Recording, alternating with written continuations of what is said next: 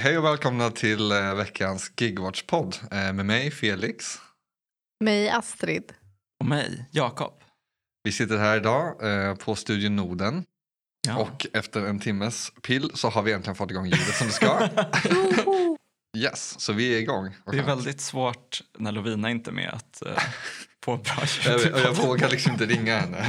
Hon var så här, du har gjort det igen. Fuck. Och vad ska du prata om idag Astrid? Eh, ja, jag tänkte bara glida på en räkmacka för jag är inte lika, jag har inte förberett mig. Här sitter Felix och Jakob och är som två duktiga skolelever och har skrivit jätte, Våra jättemycket. Eh, och, eh, så jag tänkte bara köta på liksom. Ah, perfekt, vi behöver en sån också. Ja. Du då Jakob? Eh, jag tänkte prata om eh, min, uh, min fade med, med en kille som heter Steven. Din- Eh, vi har uh, fightats på Svenska Dagbladets debattsida Mm. På internet tror jag. Jag tror inte det var med i tidningen. En riktig internetfight också, liksom så här, inte bara Twitter-beef utan Exakt. så här, Verkligen. publicerat, Ja, publicerad fail. Liksom. exakt. Vad, vad har hänt eh, i era liv eller vad har hänt i Gigwatch på sistone? Jag och Felix var på bokbord i uh, lördags. Mm. Kul. Bandhagen, Precis, på banddagen. Bandhagen loppmarknad. Fyndar ni någonting? Mm, lite mat. Ja, just det. Jag åt någon god etiopisk foodtruck-mat typ. Det var som någon pannkaka med kött och sallad på.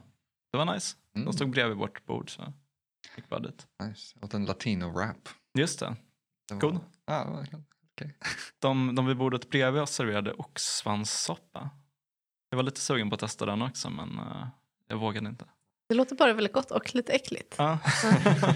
det låter Men- typ hårigt men jag antar att det inte är det. Men det var trevligt. Så här. Vi har ju haft eh, ett bokbord eh, i Högdalen för någon vecka sedan också. Med lite samma grej där vi sålde vår rapport, pratade med folk och försökte liksom komma ur vår eh, bubbla lite för att eh, ja, men försöka få lite nya lyssnare till podden, folk, nya följare, få folk att signa upp nyhetsbrevet, till klisterlappar och sånt och bara generellt prata om gigekonomi och vad folk tycker om det och sånt och höra folks perspektiv lite.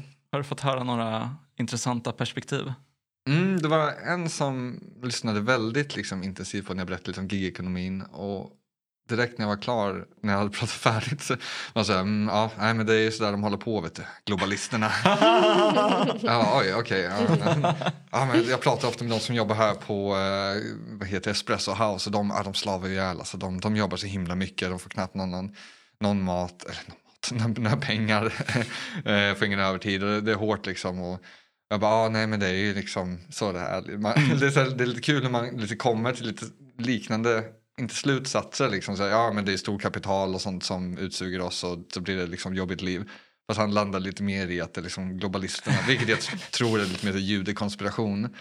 Så vi har inte riktigt landat där.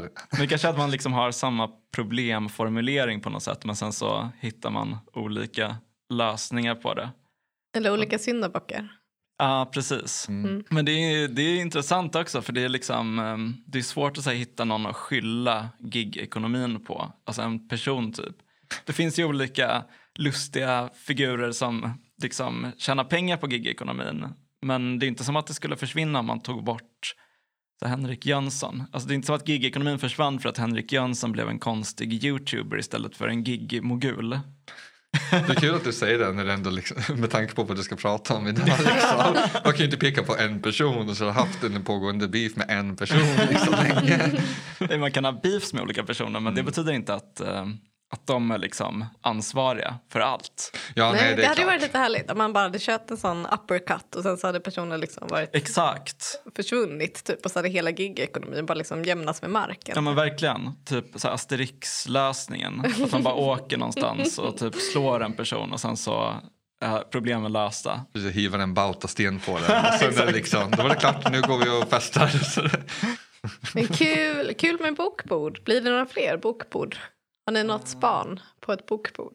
Jag tror inte vi har något så inplanerat i nuläget men eh, alltså jag vill, jag vill ha fler bokbord. Det var jätteroligt. Det är Det- kul att eh, typ bara stå och snacka med folk som antingen inte alls vet vad gigekonomin är eller som vet lite grann eller som eh, känner till oss sen innan och vill typ snacka med oss bara. Mm. Asroligt. Uh, vi sålde lite böcker också. Ja. Så det kommer man kunna köpa på framtida bokbord. både Mm. vår bok, Apparna och arbetet och vi sålde också Anders Teglunds bok Cykelbudet. Ja, men jag blev förvånad över hur positiva folk var. Så jag har jobbat lite som säljare och sånt förut och man ska gå och dra i folk. Det är så här, folk är generellt inte jättepeppade på att stanna och prata men nu var det ganska många ändå som stannade först och glodde på våra banner. Liksom, bara, "Ha, vad är det här för något? Och så ändå tyckte att det var så här, "Ah, men det här är jätteviktigt, vad bra att ni gör det här. Så det var väldigt så här, positivt. Ja. allting. Det var få haters. Mm. Det blev ingen beef på Nej. Det blev nog inte det. Det, var nog i, det kanske var någon som bara så här, ja men det här är ju faktiskt bra, jag gillar Foodora. Uh, Vad ska de jobba med annars? Ja, precis.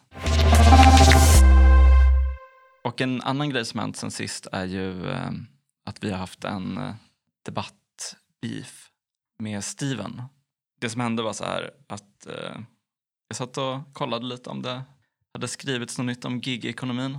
Då såg jag att det hade kommit en debattartikel i Svenska Dagbladet av en kille som heter Steven. Steven Shad. Steven Shad. Oj, chat. Ehm, och ehm, han eh, hade skrivit en artikel med eh, titeln Fel att döma ut gigekonomin. Och ehm, ja, men basically så handlade väl den här artikeln om att eh, gigjobb är på det stora hela bra. Det ger flexibilitet, eh, det ger frihet över arbetet möjlighet att liksom komma ifrån den här eh, industriarbetesmodellen där man bara står vid löpande bandet i 40 år, får en guldklocka på slutet men man måste åka dit i rullstol för att man har fått sina knän krossade av en stor stenklump typ.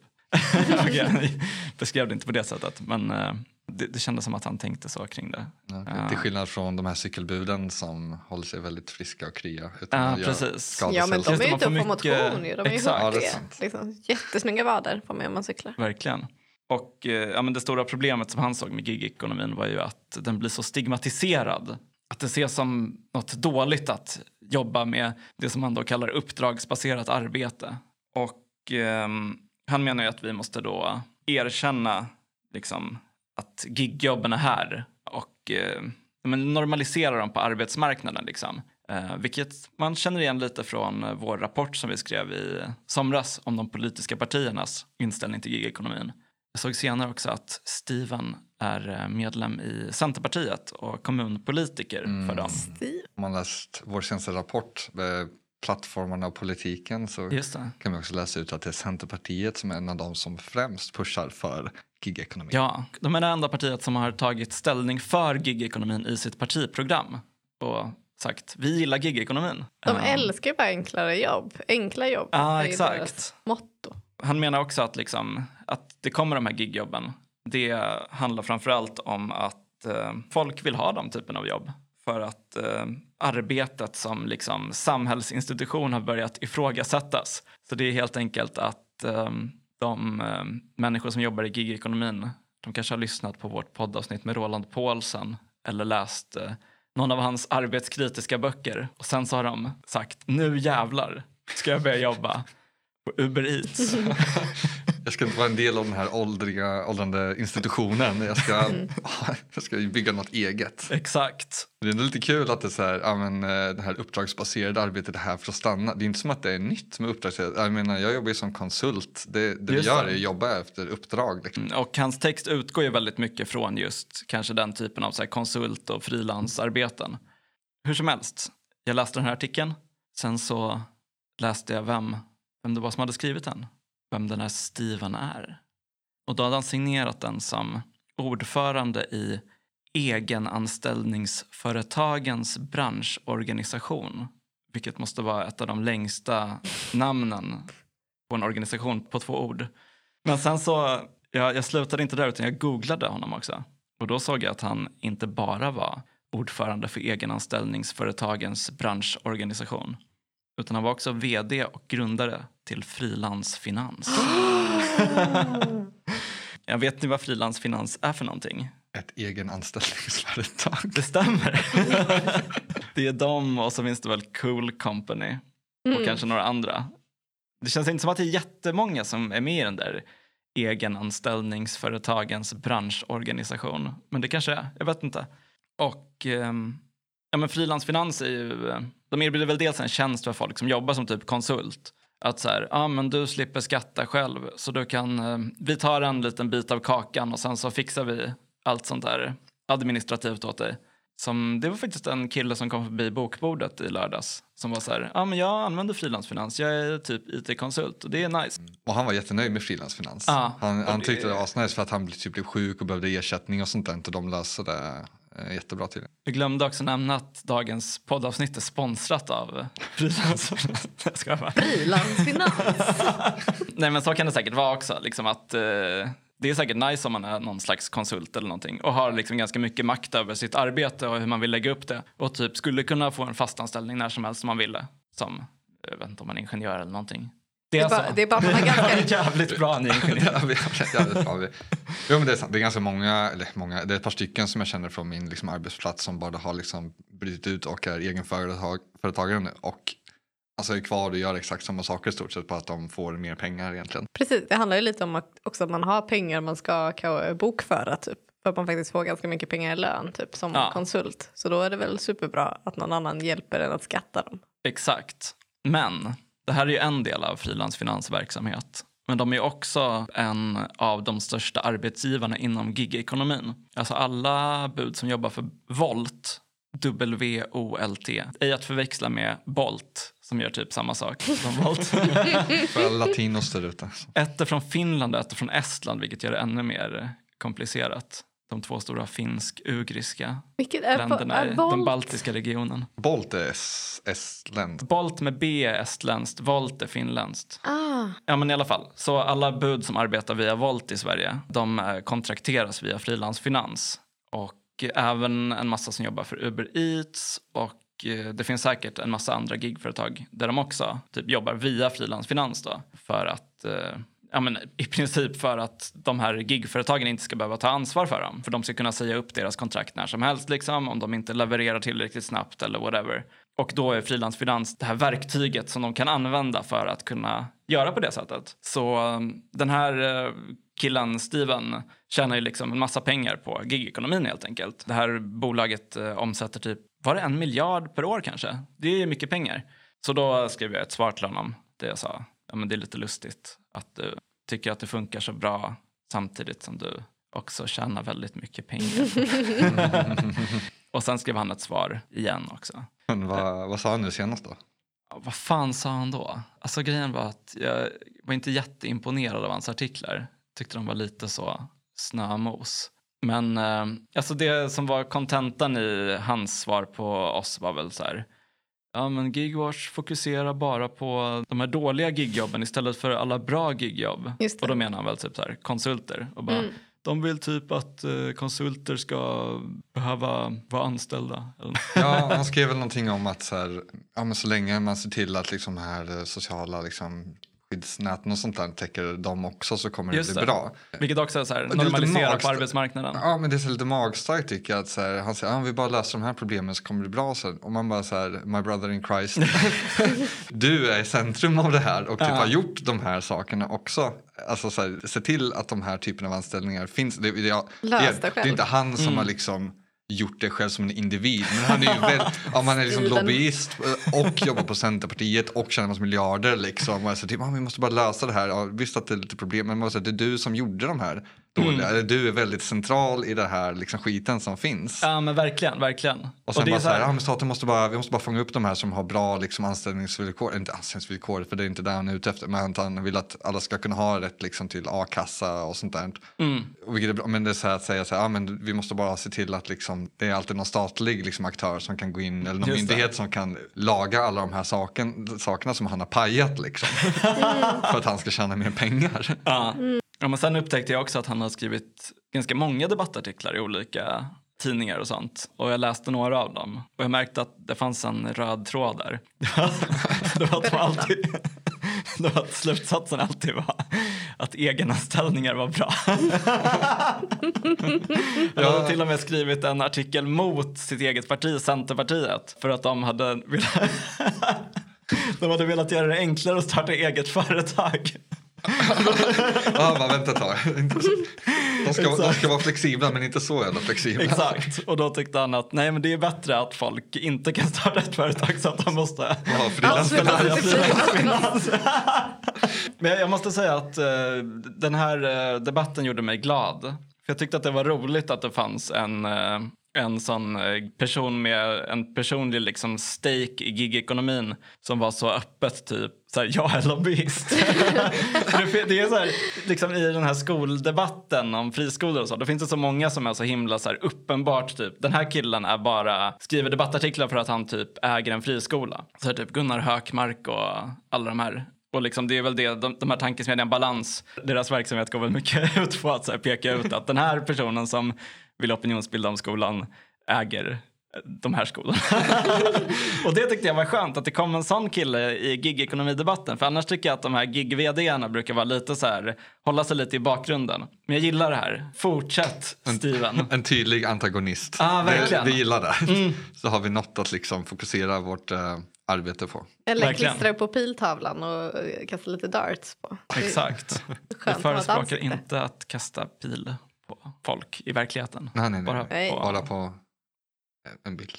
bara på en bild. Ja, Ja, nice. men det var roligt. Jag får se hur det utvecklar sig då. Om, man kommer, nej, om du kommer med något nytt svar. Vem får sista ordet? Ja, det måste ju vara du, Jakob. Nej, han har fått slutreplik på SvD. det. Så jag får, om jag ska skriva Okej. ett svar så får jag skriva det på vår blogg eller någonting. Men det var faktiskt en ganska tråkig slutreplik. För det var ju typ exakt samma sak han sa i, alltså i den innan. Det var så här, det är tråkigt att ni fokuserar på alltså, de som har det dåligt. Ni borde fokusera på de som har det bra. Jag Okej, tack Helt Chad. enkelt precis att vi är för tråkiga. Vi är lite, lite för negativa. Men de som har det bra har redan fått alla sina problem lösta av frilansfinans. Ja, Så vad gnäller han om? Ja. Ehm, Ja, vad, vad, vad, vad har du på hjärtat Felix? ja. Vad gör du Ehm, här? Nej, vi var ju på bokbord då i lördags igen, trots att sägas flera gånger. Ehm, och i och med att vi var där så missade vi en, eh, en inbjudan till en demonstration. Som vi, skulle gått på. vi skulle gått på en klimatdemo. Det skulle ha gått. Vi blev inbjudna av... Jag tror inte vi sa att vi skulle gå på demon. Jaha, vi, vi bara lämnade henne på read alltså. Nej, vi, vi ah, det är en lång historia. Den Okej. skulle egentligen ha varit ett visst datum men då så såg inte jag meddelandet förrän efter det datumet och då sa jag ah, vi, vi ska höra nästa gång. Okej, ja, Jakob lämnade i alla fall Greta Thunberg på read, eh, mer eller mindre. Men jag svarade. ja, du gjorde det? Okej. Jag svarade för sent i alla fall. Oh, ljummet svar. Kanske. Det var vårt, vi hade kunnat ha ett break där. Nej, men vi blev inbjudna till den här klimataktionen då i alla fall av eh, Extinction Rebellion tror jag, eller Fridays for Future. Det var Fridays for Future tror jag. Yes. Och då tänker mer så här, vad ska vi göra på en klimatdemo? Vi pratar ju om arbete och gigekonomi. Men eh, då kommer jag också att tänka lite på, det var, fick några frågor på när vi hade det här bokbordet. Om så här, Mm. Men vad ska vi göra åt det här då? Jag tog upp gigekonomin, så här, vad ska vi göra åt det här? Eh, vad är vägen framåt? Så här, ja, men typ så här fackligt, eh, organisering. Alltså, man blir typ lite ställd för det är svårt att veta så Ja, här, vad, exakt vad, svar, vad, liksom, vad är vägen framåt. Stötta globalismen.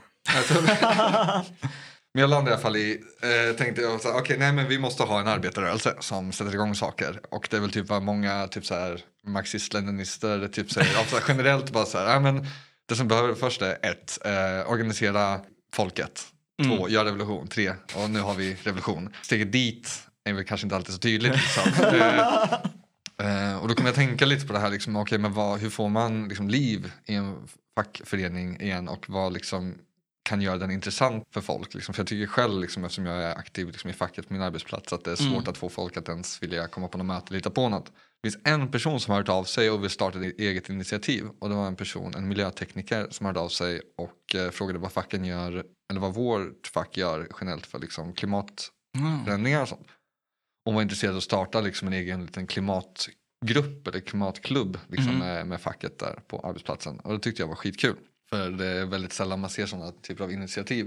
Och då tänkte jag generellt också på det här att så här, ja, vad får man en massrörelse ifrån? Och det är väl den som, enda typ massrörelsen som typ verkar vilja aktivera folk är väl typ klimat. Så jag tänkte lite okej men vad kan så här, facket göra? Eller vad har de olika facken för liksom, inställning till liksom, klimatförändringar och så här, vad man kan göra åt det? Mm.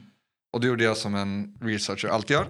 Jag googlar för att hitta tre saker som stödjer min tes. Ja, Och sen så, stark. så jag läste lite artiklar och sånt.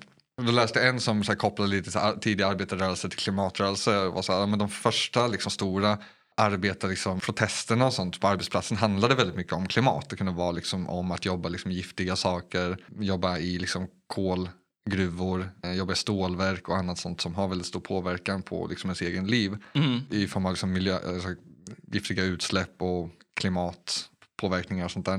Du kanske de inte Eh. visste vad det var då?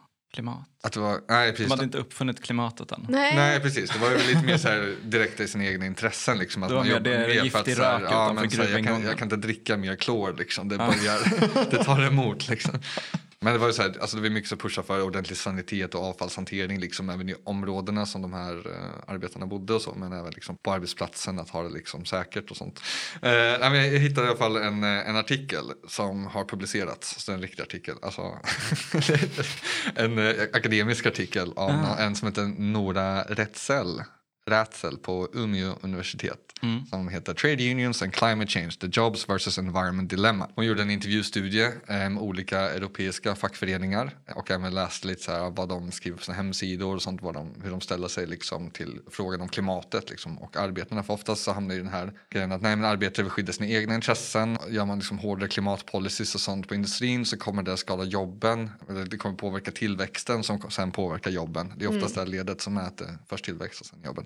Och att, jag menar att arbete ofta ställs mot miljö. Liksom. Att det är så här, antingen så har vi jobb och ni kan fortsätta jobba i gruvorna eller så finns det inga jobb och så får ni fattiga. Men då... Ren luft.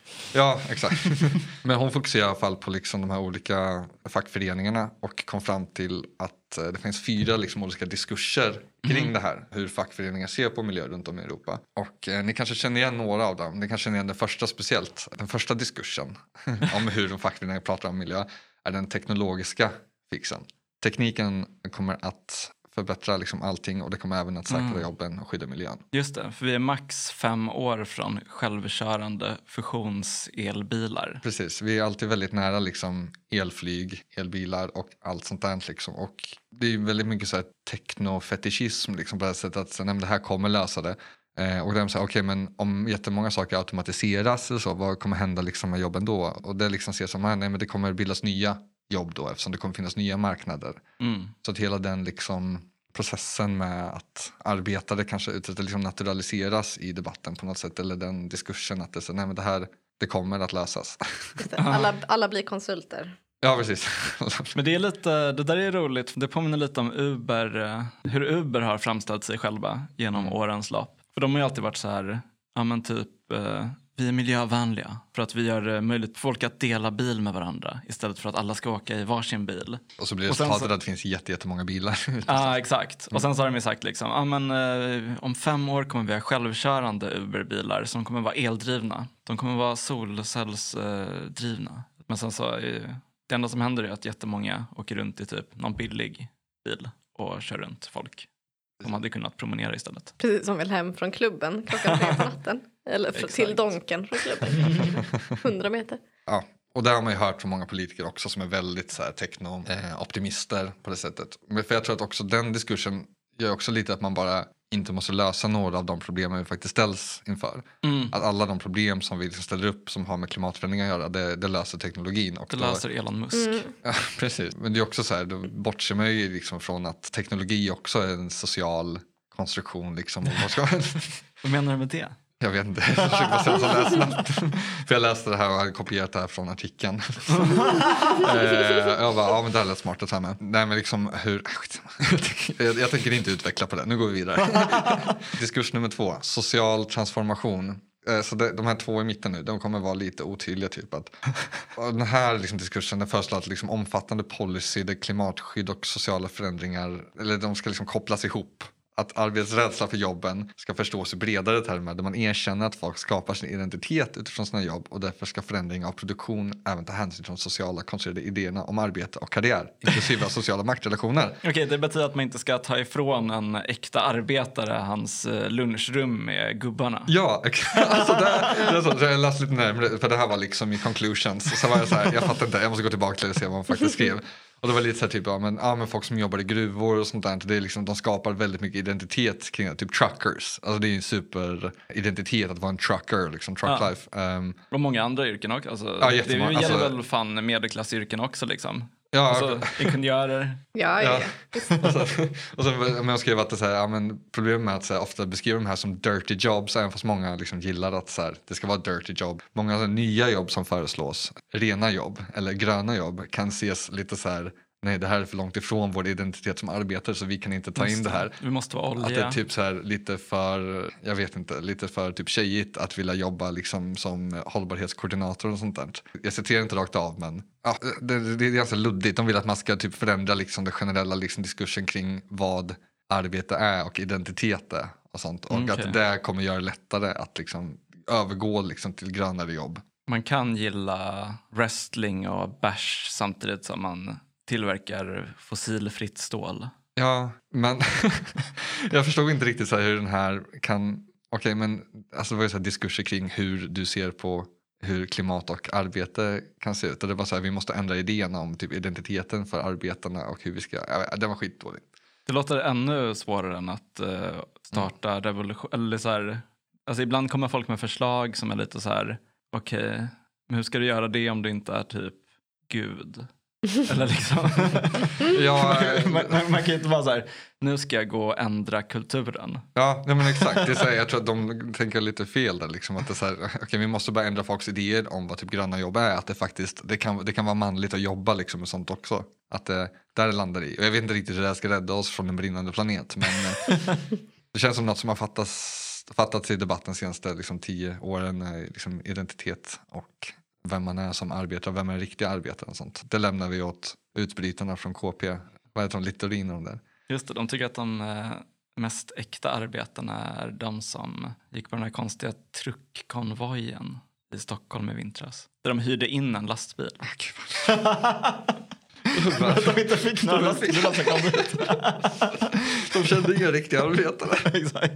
Så det blev bara olika ayurvediska barfota-gurus. Äkta arbetarna. De, de är inte insmorda i motorolja utan i någon eterisk olja. Ja, just det. Precis. Ja, men tänk er det liksom personalrummet på där i, i gruvan liksom. Och sen så har man bytt ut alla kaffe och inplastade smörgåsar och sådana por- portioner, engångsportioner till någonting lite, liten hälsosam sallad liksom. Eller lite gröna juicer. Det, Jag skulle bli riktigt sur. Ja, jag, jag tror också jag skulle Jag vill ha en macka. Ja, Jag tänker om man Ja, gör det på det sättet, då kan man lika gärna fram en stor plåt blodpudding och röststen och sånt där så att det känns okej nu har vi de här liksom gröna jobben som kanske inte känns så manliga men vi får åtminstone liksom en äcklig lunch typ som känns lite mer industriell. Jag vet, jag vet inte vad man äter sin industri. liksom. kalops! Jag, var, jag var, jobbade på Akalops. Jag jobbade på något så här smältverk uppe i Skelleftehamn eh, någon vecka. Liksom. Och där, när man gick och käkade på den liksom, arbetarrestaurangen, för det var ju liksom industriarbetare. Mm. Och det var precis som en skolmatsal. De åt jättegott. Och det var Ah. ingen som klagade på att det var omanligt eller så. För att det fanns sallad. Jag vet inte riktigt vad jag skulle med det här, skitsamma. Men i alla fall, det, ja, det är oklart den här liksom, diskursen. Jag tycker inte att den hjälper så mycket. Och den är konstig, så vi går vidare. Eh, nummer tre, den här visste jag inte jag skulle översätta. Eh, den heter Mutual Interests. Och den fokuserar på legitimiteten hos arbetarnas direkta intressen och siktar på att lösa motsägelserna mellan arbete och klimat genom att gå in i horisontell dialog med arbetare om hur deras... Jag glömde, arbet, aj, jag glömde Vad andas. fan? Eh, om, med arbetare om hur deras intressen kan omdefinieras och lösas istället för att överges. Den ersätter abstrakt moralitet med fokus på intressen, samarbete och solidaritet. Också oklar. bra Jag kan inte översatt. översätta den där Ja. till eh, en sån eh, som jag gjorde på förra. Att, va? Att, det, att den var dåligt översatt? Nej, jag tänkte att du kunde liksom eh, bli tolk istället. Om du känner att du blir byta bransch. Vadå för att det går så jävla dåligt som poddare? Bra Får vi- översatt. Fel på min content? Klipp, eller? det- klipp det. Nej. Ja, men det här var lite så här, eh, att man skulle utgå från att så här, ja, men vi går och pratar istället för att så här, vi bara ska gå och ändra arbetena. Ska vi, eller ä- ändra liksom hur vi producerar. Så ska vi prata med arbetarna och utgå från så här, men vad är liksom deras intressen. Liksom. Och det var lite så här typ, ja, men Vill de vara iväg på liksom, vägen och köra lastbil i två veckor eller vill de vara hemma? Liksom, vad, vad är deras riktiga intressen och utgå från det i klimatanpassningarna liksom, eller hur man ska arbe anpassa arbete efter klimatförändringar och sånt också. Mm. Är det det Så som menas man- med en horisontell dialog? Ja, men det verkar inte att det är så här, man ut, alltså så här, utgångspunkten är arbetarnas intressen och sen utifrån det hur ska vi liksom utveckla produktion för att bli liksom hållbar så att man inte glömmer bort dem. Du att man kunde välja att vara hemma? Eh, Just det, att man slutar, det är väl ganska bra för, för att spara... Gud, jag ska, att, ska verkligen sluta hålla på och skumma ha semester artiklar. i två veckor och ingen går till fabriken så kommer det ju inte vara så mycket utsläpp heller. Det kan vara jättebra för klimat, Verkligen. klimatrörelsen. Var det inte Mer det som hände semester. med, med liksom corona typ? Att så här, de stängde ner en massa arbetsplatser och så sjönk utsläppen jättemycket under några månader. Och sen så nådde de typ en ny toppnivå efter i och för sig. Men, Mm. Men det, var- ah, ja, det var utgick det från att så här, ja, men de ville egentligen vara hemma med familjen och inte på vägen i två veckor. Typ. Nu har jag inte artikeln uppe här nu och inför nästa gång ska jag sluta skumläsa och, och faktiskt läsa vad de skriver. Men jag tyckte också den här var lite så här, ja men lite substanslös. Liksom. Att det var, ja, alltså, ja, det är väl bra. Det är väl klart man ska ses liksom, utifrån liksom, arbetets intresse. Men om det är så typ, ja men vi vill ha, liksom, jobba mindre men ha samma lön. Liksom, Mm. Vilket arbetsgivarna inte går med på. Så att det här arbetstidsförkortning med samma typer av lön typ, skulle inte funka. Den var dålig. Var det? Är ju inte lätt att skriva uppsats. Kan man ju, Nej, det, det är mycket att försöka eh, skriva många svåra ord i, eh, trycka in det på vad är det, 40 sidor liksom. Och försöka komma fram till något, svara på syftet. Vilket man aldrig kommer göra liksom. För en syfte var lite diffust. Så att ändå cred till, just det du hade ett, förlåt du var hade det en till? nej jag har till. Ja. Jag, jag, jag, nej, jag kommer till, det finns en bra. Det finns en, Okej, okej. en är bra. Nice. Vi ska inte liksom djupa än. eh, Jag ville bara säga den att jag bästa Det är tyckte... därför jag typ plöjer igenom de här, och plöjer, nu, nu har vi landat ett tag i de här, de mest, eh, liksom, eh, snacka skit typ. Ja men därför att de här två och tre, eh, nummer ett, två och tre är ganska kassa liksom. Ettan kan ändå Den respektera för att den har någonting. Det är ändå så här typ, ja men vi ser en lösning det. De andra två är lite så här löst hängande. Nummer fyra kommer till nu och det var därför jag nämnde Greta och dem- demon. För att den nästa kallas social rörelse. Den Ah. inkluderar arbetares intressen men placerar dem i ett större sammanhang inom det allmänna intresset. Facken definieras som aktörer i produktionsprocessen med en roll som inte bara innebär att skydda jobben men även för att ifrågasätta produktionsformerna och utveckla alternativ. Ett fack som definieras utifrån denna diskurs måste se längre än att bara försvara sina medlemmar och inkludera alla som vill ha ett rättvist samhälle. Social Movement Unionism. Wow. Starkt. Yes. Det låter bra. Eh, Jag gillar det. Ja, men det här är fan eh, det är bra skit. Och det är liksom... här, här, nu, nu snackar vi här. Nu snackar vi. Men- jag pratade om det här med att så här, hur får man igång intresse? Alltså Ja. för fack, för det, alltså generellt så har väl så här, vi, våra fackförbund här i Sverige är ju väldigt etablerade och vi har liksom metoder för att förhandla och har liksom bra, eh, vad ska man säga, det är liksom institutioner som funkar typ rätt bra ändå, även fast man skulle lämna ganska mycket önska så är det så här, de har institutioner som finns där. Men Mm. de har ingen rörelse. Ja, det vi behöver för att ha en förändring är ju en rörelse. Mm. Och ehm, de har ju alltså ändå, jag har kollat runt lite mitt, mer i mitt googlande bara typ Saco, ja men så här Saco studentförbund liksom och andra sådana här liksom yng, alltså så här studentförbund Ja, har du några exempel på, liksom folk, eller på fackförbund som ansluter sig till de här olika tendenserna? Liksom? Har, eller har hon några exempel på det? Eller är det mer så abstrakta? Ja, det, jag skrev inte ner vad de hette. Okej. de, finns, de finns i den här eh, eh, artikeln, vi kanske kan länka den eller sånt där. Sånt Mm. också. Ja, men det är olika så europeiska fack som jag inte riktigt känner igen. Liksom. Men det är så här, större liksom, trade eh, unions och Mm. sånt. Nej, men, för- så här, okej, men vad gör vi här i Sverige åt de här eh, grejerna? Ja, men det finns Saco studentförbund. De uppmanar facken att engagera sig med klimatfrågan. Ehm, så det är ändå så här, det pushar ju på från liksom, ungdomarna. Jag tror att generellt de också som har skrivit vissa artiklar här. Det var någon Hedvig Kylander också på Göteborgs universitet som skrev en upp- masteruppsats om hur facken förhåller sig till klimatfrågor. Mm. Och hennes slutsats var att det finns en väldigt stor ökad potential för liksom fackligt engagemang i klimatfrågan och det kan locka många nya medlemmar. Och facket kan själv agera som folkbildare och sprida kunskap eh, ner till alla medlemmar. Och medlemmarna själva kan vara liksom en aktiv del av att utforma nödvändiga förändringar. Mm. Vision, alltså fackförbundet Vision har även introducerat en idé om att ha ett klimatombud. Alltså typ som att ha skyddsombud, eller nu heter det arbetsmiljöombud. Mm. Men sådana som kan vara, för att många större företag har ju något som heter typ hållbarhetskoordinator och sånt som ska liksom jobba med hållbarhetsfrågor. De gör alltså de mer på ett så ekonomiskt plan kanske på något sätt. Och de gör ju så här carbon cost grejer och generellt pratar om hur företag ska liksom jobba mer hållbart egentligen. Men vi behöver ju ha det här från arbetarnas sida också. Ja, nej men det är väl en så här, den rörelse som facken typ saknar kanske finns i klimatrörelsen och jag tror att det är många klimatrörelsen som också identifierar just klimatproblemen som ett större problem och inte Mm. bara så här, ja men vi måste sluta äta kött och sånt. Alltså att, det, att det är djupare än så, att det är liksom väl inne i produktionsprocessen och hur, hur vi arbetar, hur vi konsumerar, hur vi producerar och hur kan man liksom få det här att klaffa på något sätt. Till exempel att ja men en enkel sak som att ju mer vi producerar desto mer skadar vi. Liksom, om, om vi drar ner på produktionen, om vi drar ner på arbetstid och sånt så kanske man kan göra lite mindre skada därifrån. Eller om man har mer delningsekonomi med miljövänliga transporter på cykel. Ja, Nej, men så det, det är väl där man kom fram till och det var vissa, ja, men, uppenbarligen så här studentförbund, olika fackliga studentförbund har ju också tagit upp det och lyft det här liksom till även större fack som TCO, LO och sånt där.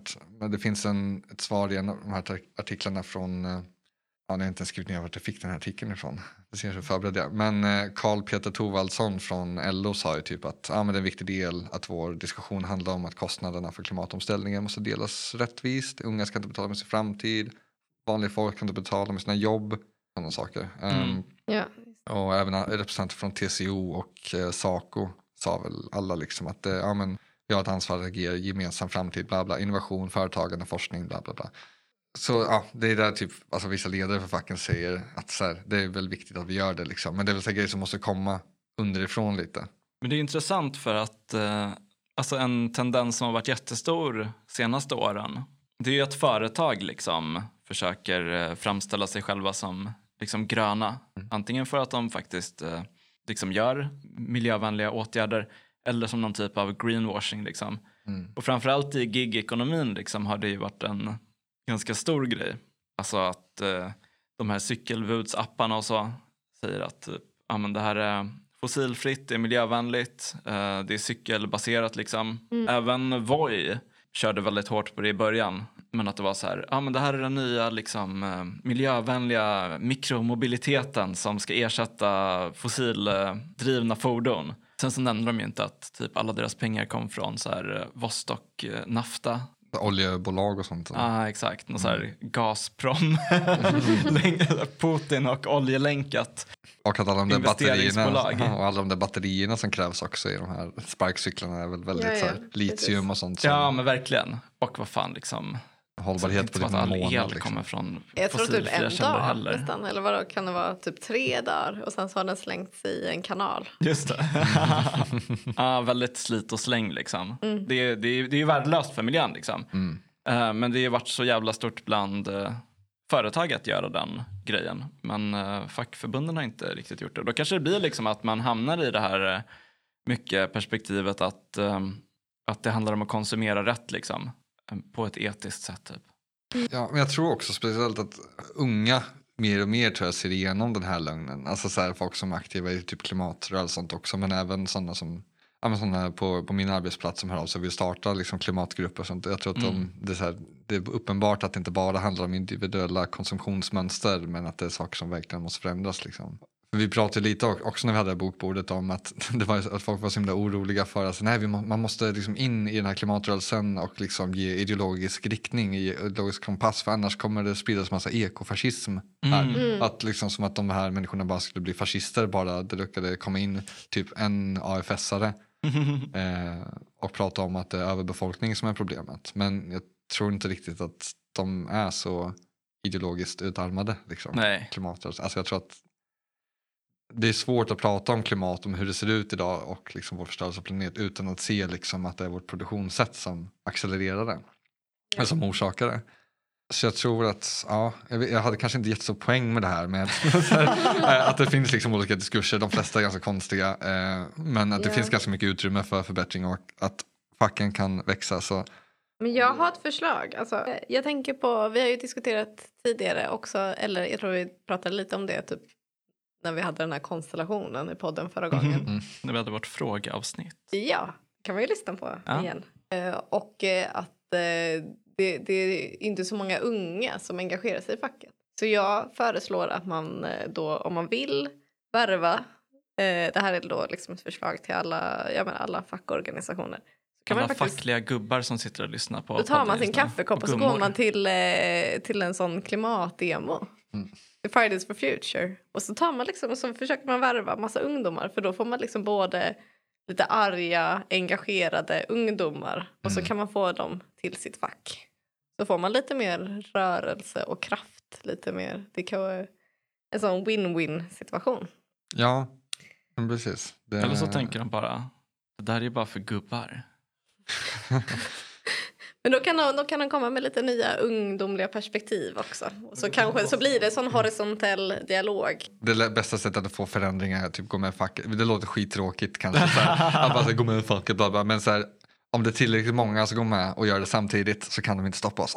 Ja, men alltså, jag, jag, jag tänker att man får väl lägga till också så här, gå med i facket men eh, man, Engagera alltså, dig. för att göra det till någonting som är värdefullt så måste man också engagera sig. Och det är Mm. också någonting som man har sett i, alltså mycket i gigekonomin liksom att eh, där det sker förändring från fackens sida i gigfrågan då är det antingen för att det liksom har bildats gräsrotsinitiativ, eh, gräsrotsfackförbund eh, eller att folk inuti befintliga stora fackförbund har liksom mobiliserat sig eh, för att driva en viss fråga.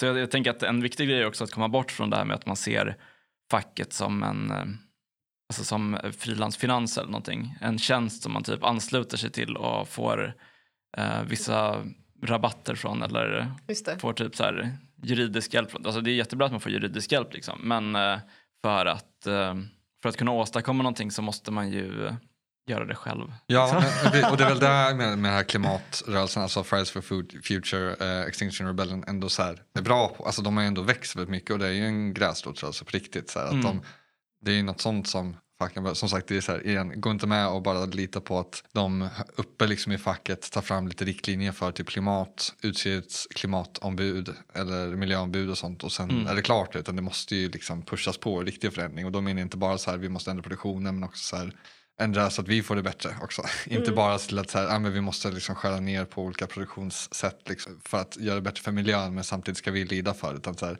vi, ska, vi ska vinna på det och vinna lite mer på det. Fully automated luxury Ah, eko-kommunism. inte, det är väl också så här lite technodröm. eh, Så. Ja, det är sant. så framtiden kommer nog vara lite tråkigare än vad vi tror. Eller sånt, så här. Man får väl typ ställa in sig på att det, så här, det här med vad Vadå, det ska- komma självkörande bilar om fem år. Det är jättekul att köra bil. Det är verkligen, det är inte ett problem. Inte. alltså, så här, att, så här, det är ingenting som behövs. Alltså, det är rätt soft med lite så här, autopilot och sånt. Jag kört med sån också. Det är så, men det är så här, jag vet inte, jag bara hatar Elon Musk så Du, du känner att han vill ta ifrån dig din bil, eh, bilkörarkultur? Ja, det.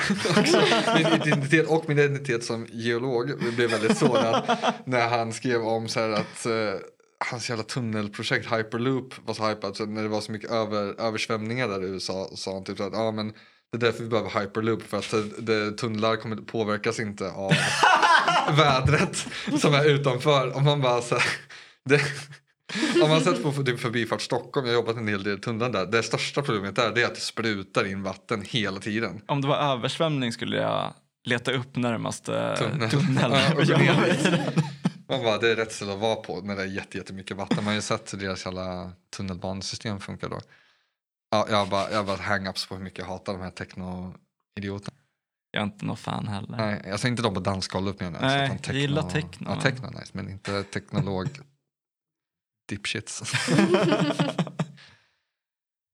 Yes. All right, men det var allt för oss idag. Tack Ja. så mycket, Astrid och Jakob.